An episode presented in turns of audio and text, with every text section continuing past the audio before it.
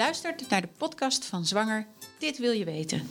De podcast van de zwangerschapscursus van Subsense.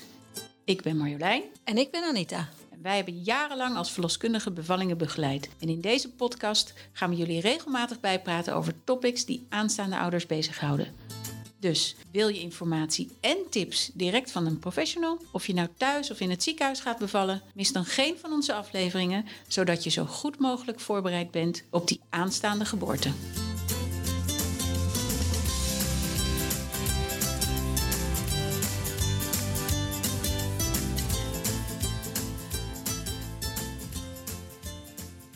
Weer.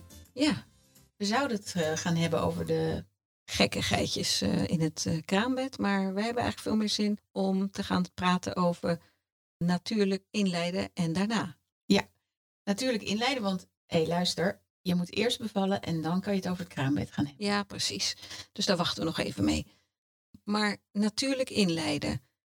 Waarom zou je dat willen? Wanneer zou dat aan bod kunnen komen? Want als we het hebben over wanneer ben je uitgerekend? Nou, je bent natuurlijk uitgerekend in een periode, niet op een datum. Bent- Niet op een dag, nee, nee. Nee. Want je krijgt in het begin, als je net de termijn echo hebt gehad, krijg je een uitgerekende datum. Wij noemen het liever geschatte datum. Ja. Want het, uiteindelijk is het een periode van ongeveer vijf weken waarin wij als verloskundigen mm, zeggen, je mag bevallen in deze periode. Vanaf 37 weken vinden wij het oké dat de baby komt, tot en met 42 weken. En daarna ben je eigenlijk pas echt officieel over tijd. Ja. Dus die periode van vijf weken is de natuurlijke marge die je hebt. Ja, eigenlijk bevalt ongeveer 4% maar op de geschatte datum. De uitgerekende datum, zoals iedereen dat noemt. En dat is erg weinig. Ja, het is jammer, want het is heel normaal dat een kindje over de 40 weken geboren wordt. Maar veel vrouwen worden een beetje zenuwachtig. En niet alleen door zichzelf, misschien voelen ze zich- zichzelf nog wel helemaal oké. maar de omgeving, die gaat druk leggen. Ja, die weten ook wanneer je uitgerekend bent. Ja. Dus als je nou slim bent, dat vertel ik ook wel eens bij de echo, als ze die uitgerekende datum krijgen, dan zeg ik, joh, vertel aan je directe omgeving of aan je vriendenkring dat je twee weken later dan die datum die ik je nu geef uitgerekend bent, zodat de mensen die druk rond die tijd niet op jou gaan leggen. Nee, En mensen snappen dat op dat moment niet. Die zeggen van ja, maar ik ben dan en dan uitgerekend. Maar aan het einde van de rit zul je merken dat dat je gaat helpen ja, het geeft je ruimte en rust. gemoedsrust. Ja, en weet je wat wij ook veel horen? Dat mensen zeggen, ja, ik denk dat het eerder komt. En als je dat dan op het spreekuur hoorde, dan moest ik altijd wel een beetje lachen. Want iedereen denkt dat. Ja. Mensen vroegen ook altijd aan mij, ja, maar wanneer komt de baby? En dat vond ik altijd wel grappig. Dan had ik op een gegeven moment zo'n echt zo'n glazen bol gekocht op zo'n standaard. en dan pakte ik hem erbij. En dan zette ik hem voor me neer. En dan hield ik mijn handen eromheen. En dan zei ik, nou, ik zou eens kijken. en dan keken ze me aan. Dan was je al klaar Dan was eigenlijk. klaar. dat niemand weet het. Nee, maar het is ook wel vaak dat, vooral bij een eerste baby, dat het toch wel wat langer duurt dan die 40 weken. Ja, nou, en dat is ook helemaal niet erg. Een kindje heeft zijn eigen tijd. En ja, blijkbaar heeft hij het, als hij wat langer blijft zitten, nog heerlijk bij zijn moeder. Ja. En wees blij, hè, want er niet s'nachts uit. Ja, misschien voor een plas. Maar je kunt nog rustig slapen. Je hebt nog geen voeding, dus geniet nog even van die tijd. En ga, zeker als het de eerste is, gezellig even spontaan nog hup, naar de film of Ja, Ja. nu kan het nog. in coronatijd is het natuurlijk een beetje lastig, maar het doe even spontane dingen. Want de komende jaren moet je voor oppas zorgen. Nou ja, dus wanneer ben je uitgerekend? Tussen de 37 en 42 weken. Ja. Maar ik herinner me nog dat ik zelf meer dan 40 weken werd, twee keer. Ik heb twee kinderen. En toen ik wakker werd, de ochtend na de geschatte datum, wat ik toen ook uitgerekende datum noemde, voelde ik me eigenlijk wel een beetje in de maling genomen door de natuur. Ik dacht, nee, en nu? En nu? Waar is nu mijn eikpunt? Want je hebt die geschatte datum en daarna, ja, dan laat je het maar een beetje los.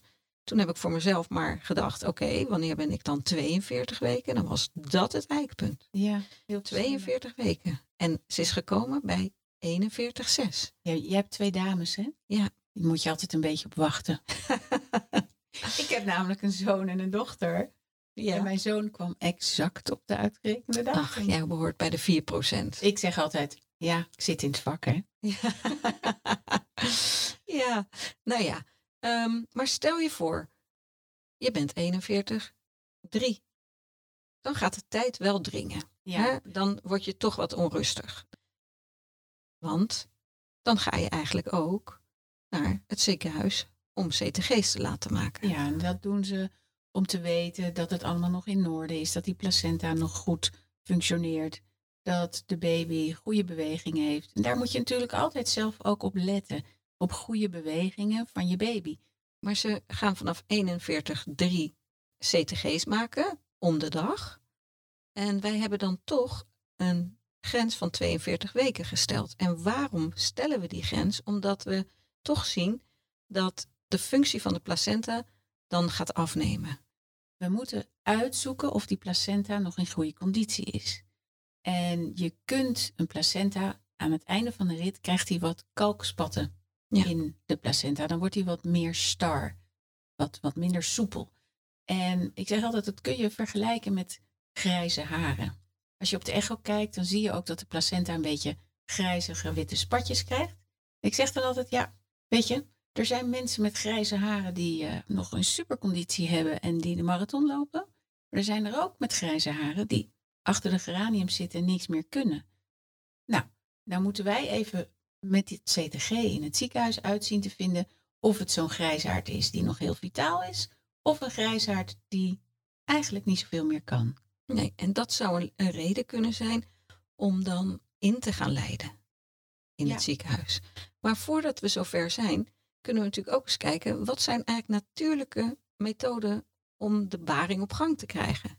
Ja. Ja. Eén die de verloskundige veel gebruikt is strippen. Het einde van de rit kan je dus heel ongeduldig worden en vragen mensen heel vaak: kan je niet wat doen? Kunnen we niet ingeleid worden? Maar dan vind ik eigenlijk, weet je, wacht rustig af, zeker tot 41,5 week. Of jullie zijn wel bol, maar het is natuurlijk niet bol.com. Weet je, het is niet s'avonds bestellen en volgende dag in huis. Zo werkt het helaas niet bij een geboorte. Dus wacht rustig af. Maar wil je dat niet, kun je een paar maniertjes van natuurlijk inleiden proberen. Ja, er zijn natuurlijk ook omstandigheden waarin je de baby misschien wel wat eerder zou willen krijgen. Ik heb dat ook wel meegemaakt met mensen die eh, gingen varen, eh, die op zo'n schip zaten en die dan eigenlijk weer een opdracht hadden.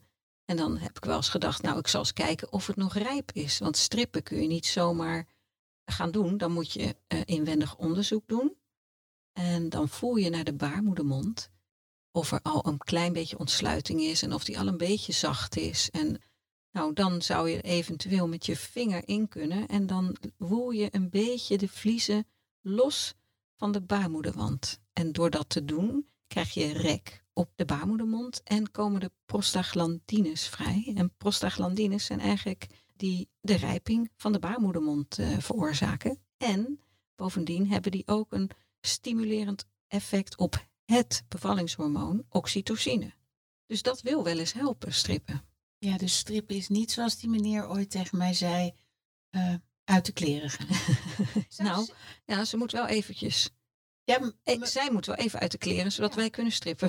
er zijn maar- ook wel eens mensen die zeggen dat vrijen helpt. Dus wat dat betreft. ja, ik, ik- dat, dat, dat kan, maar ik ben nog niet klaar over dat strippen. Oh. Ik wil er namelijk nog iets meer over vertellen. Want als je eh, gestript wordt, daarvan zeggen sommige mensen dat het zeer pijnlijk is. Maar mijn ervaring is dat het dat ook is heel persoonlijk. Bij de een, het ligt er ook aan, kun je ontspannen?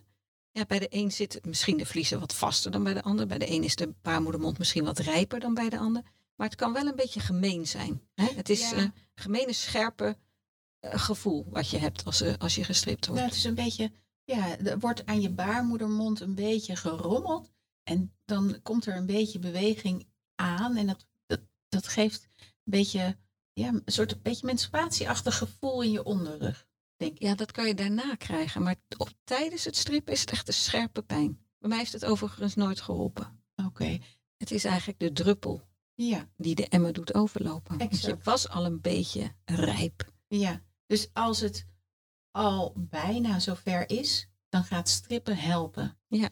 Ver weg bent van die bevalling, dan helpt het je niet. Maar dan brengt het je misschien wel een stapje dichterbij. Ja. Ehm, als je gestript bent, kun je inderdaad wat last hebben van menstruatieachtige pijnen en zelfs een klein beetje bloedverlies. Ja, dat heeft te maken met die baarmoedermond die aangeraakt is. Maar goed, over vrijen, dat eh, is ook iets wat veel mensen aan, aanhalen. Helpt dat nou? Vroeger dacht men wel, kijk, als je klaarkomt, krijg je een baarmoedercontractie. En dat is als een soort wee, kan je bedenken. Ehm, daarnaast, het sperma van de man bevat ook prostaglandines. Ja. En de gedachte daarachter is natuurlijk dat je die prostaglandines nodig hebt voor de rijping van die baarmoedermond. Dat is zo. Maar ik heb ook wel eens gelezen dat het echt liters sperma moeten zijn. Wil je de vergelijking Ja. halen met de gel die de gynaecoloog gebruikt? Dus je kunt wel gaan sparen natuurlijk. Nou.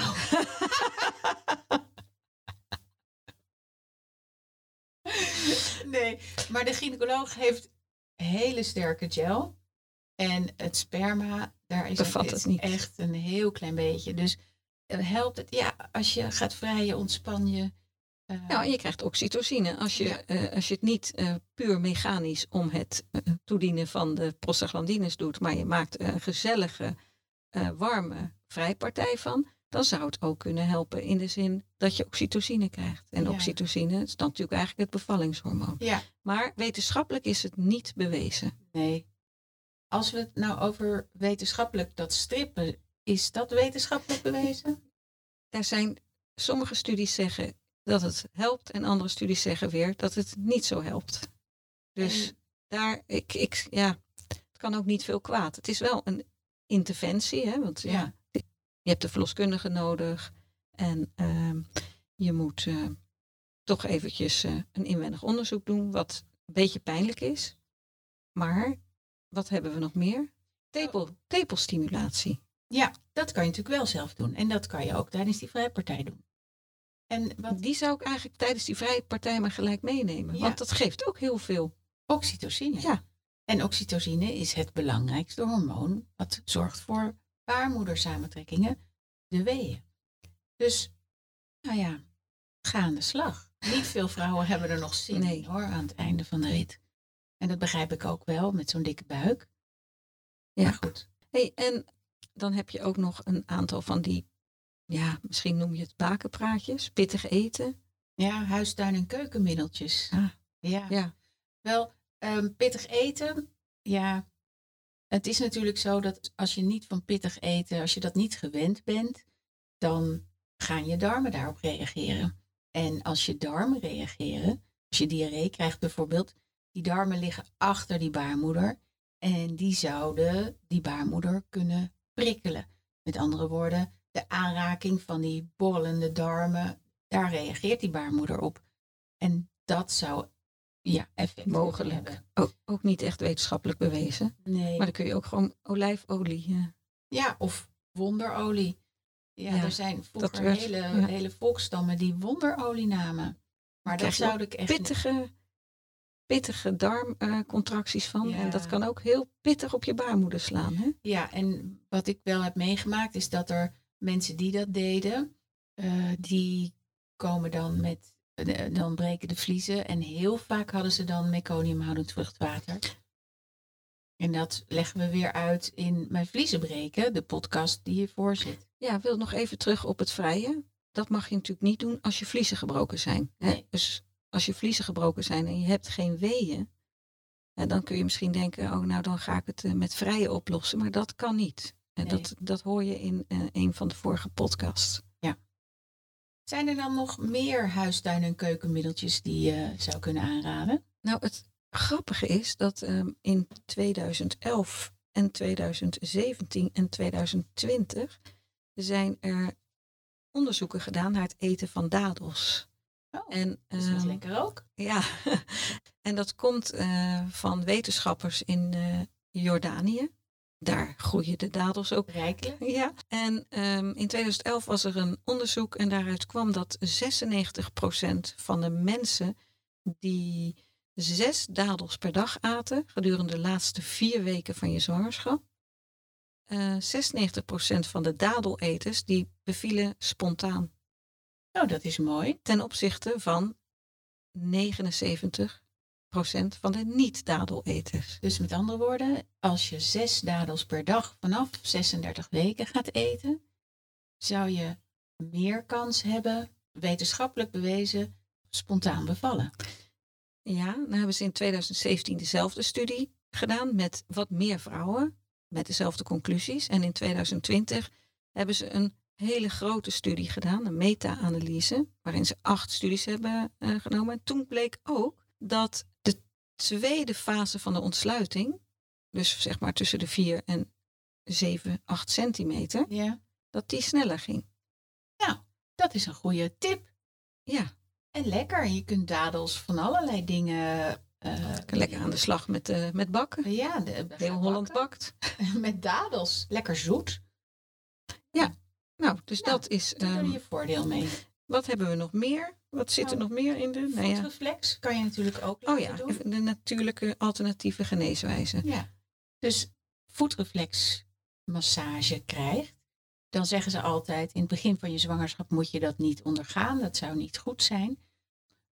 Je kunt, als je daarin gelooft, heel veel goed doen met voetreflex. En je zou er ook wat baarmoedercontracties of de stimulatie van eh, je hormoonhuishouding mee kunnen bewerkstelligen. Ja, baat het niet, dan schaadt het niet. Ja. Maar jij hebt wel eens een keer zoiets, zoiets meegemaakt. Hè? Nou, ik had eens een keer een, een mevrouw en die wilde heel graag bevallen. Maar ze was nog geen 41,5 week. En we hadden in de praktijk de, het beleid dat we voor 41 weken zeker niet gingen strippen. Omdat je mensen dan valse hoop gaf. We wilden het graag eh, gewoon afwachten. Maar deze mevrouw die wilde echt heel graag bevallen. Maar strippen deed ik dus niet. En toen zei ik, nou, weet je, we kunnen het proberen, want eh, je, als je erin gelooft, kan ik ook je voeten masseren. Ik wist eh, van ervaringen van mezelf hoe dat moest, die voetreflex op die drukpunten die er, die ervoor zijn. En toen zei ze, nou ja, eh, doe maar, baat het niet, dan schaadt het niet. Dus ik heb haar voeten gemasseerd toen. En dat was rond een uur of twaalf. En smiddags om vijf uur is ze bevallen. Dus die mevrouw was super blij. En ik was super trots. Maar ja, N is één, zeggen we dan in de wetenschap. Eh, het is maar één verhaal. Maar ik denk dat als je naar een goede voetreflex eh, masseuse gaat. Ja, en je gelooft er ook in. En Want je gelooft erin. En dat is natuurlijk ook wel waar je gedachten gaan. Ja. Volgt je lichaam. Dus dat is ook eh, wel belangrijk. Ja, dus er zit vast in de buurt ergens wel een, een voetreflexoloog. Ik heb ook gehoord van acupunctuur, dat dat ook zou kunnen helpen. Nou weet ik daar gewoon niet zoveel van. Maar ja, je kunt eh, wellicht wat eh, onderzoek doen. Ja. Een collega van ons deed dat heel veel. Hè? Ja, die is al heel vroeg ook acupunctuur als pijnstilling. Ja. Deed hij. De natuurlijke eh, methode zijn we wel doorheen, hè? Ja, ik denk dat er nog één belangrijk vergeten is. En dat is ontspannen. Ontspannen is natuurlijk altijd heel belangrijk. En zeker eh, aan het einde van je zwangerschap. In de cursus zeggen wij ook, doe alsjeblieft die ontspanningen die we jullie aangeven. Dat maakt dat je relaxed gaat slapen. En dat s'nachts in je parasympathische systeem je bevalling kan beginnen. Nou is dat een heel ingewikkeld iets wat je nu roept. Maar eh, in de cursus leggen we dat heel goed uit. Ja. Maar wat je moet weten is, wanneer begint een bevalling? Als je ontspannen bent. Precies. Dat is heel belangrijk. En daar heb je wel enigszins invloed op. Mochten deze tips en tricks nou niet helpen en je bent tegen de 41,5 week en je moet naar het ziekenhuis voor die CTG's regelmatig, dan gaat je verloskundige natuurlijk voor je regelen dat je een consult krijgt bij de gynaecoloog om echt daadwerkelijk in te leiden. Nou, dat is misschien weer iets leuks voor een volgende podcast. hoe dat een beetje werkt. Ja. En hoe je dan ook goed kan ontspannen tijdens zo'n inleiding. En zo hebben we weer een onderwerp voor een volgende podcast. Ja, bedankt voor het luisteren. Tot de volgende keer.